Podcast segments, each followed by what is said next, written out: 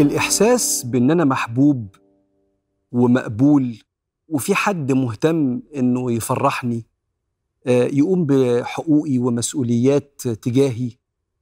الإحساس إن أنا في مكان قادر أتكلم براحتي من غير ما حد يحكم عليا. كل المشاعر الإنسانية اللازمة اللي الواحد يشعر بيها دي لازم تكون موجودة بين الزوجين.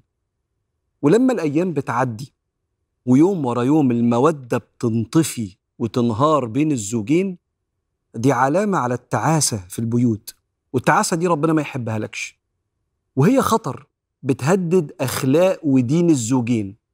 لأن العلاقة الزوجية لو انتقلت من المودة والرحمة للصراعية والمغالبة من اللي يكسب؟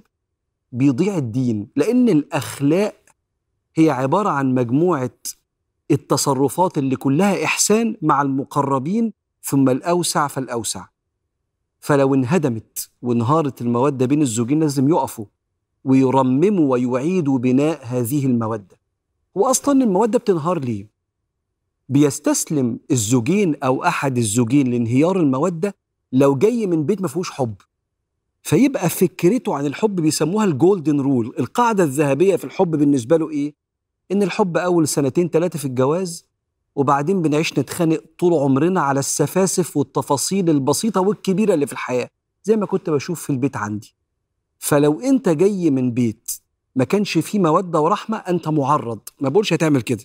بس أنت معرض أن تستسلم لانهيار الحب لأن بالنسبة لك كده الغ- الحب غرام وانتقام.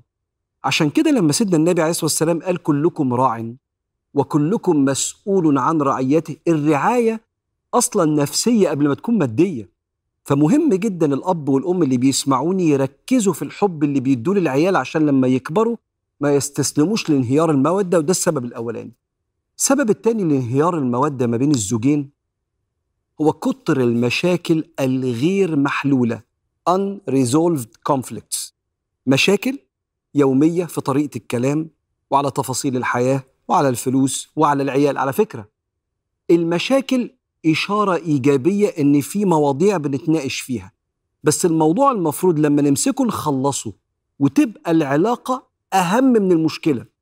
لما بيبقى في مشاكل كتير ما بين الزوجين مش محلولة بتهد في الرابطة اللي ما بينهم.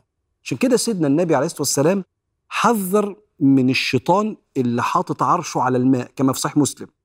وكل يوم الشيطان يجيب الذراري جمع ذرية يعني العيال الصبيان. الشياطين الصغيرين اللي بيسلطهم على البيوت. وكل يوم يوصيهم ويرجعوا يدوا له تقرير آخر اليوم. أنا بشرح لك حديث صحيح مسلم بس بالبساطة كده. فيقولوا بالليل يقولوا له لا زلت به حتى فعل كذا ذنب من الذنوب لا زلت به حتى فعل كذا لغاية ما واحد يجي يقول له لا زلت به شوف لا زلت دي عمال راكم المشاكل تقتل المواد اللي ما بينهم. لا زلت به حتى طلق زوجته فالشيطان ينزل من على العرش بتاعه ويقول له نعم أنت أنت أنت. ما هو دينهم هيضيع وأخلاقهم وألفاظهم وطريقتهم. وهتنسحق المودة والرحمة اللي ربنا خلقها في الجواز مع كتر المشاكل الغير محلولة. لو انهارت المودة إحنا بعدنا قوي عن ربنا ولازم نقف ونرمم منهار من هذا الحب.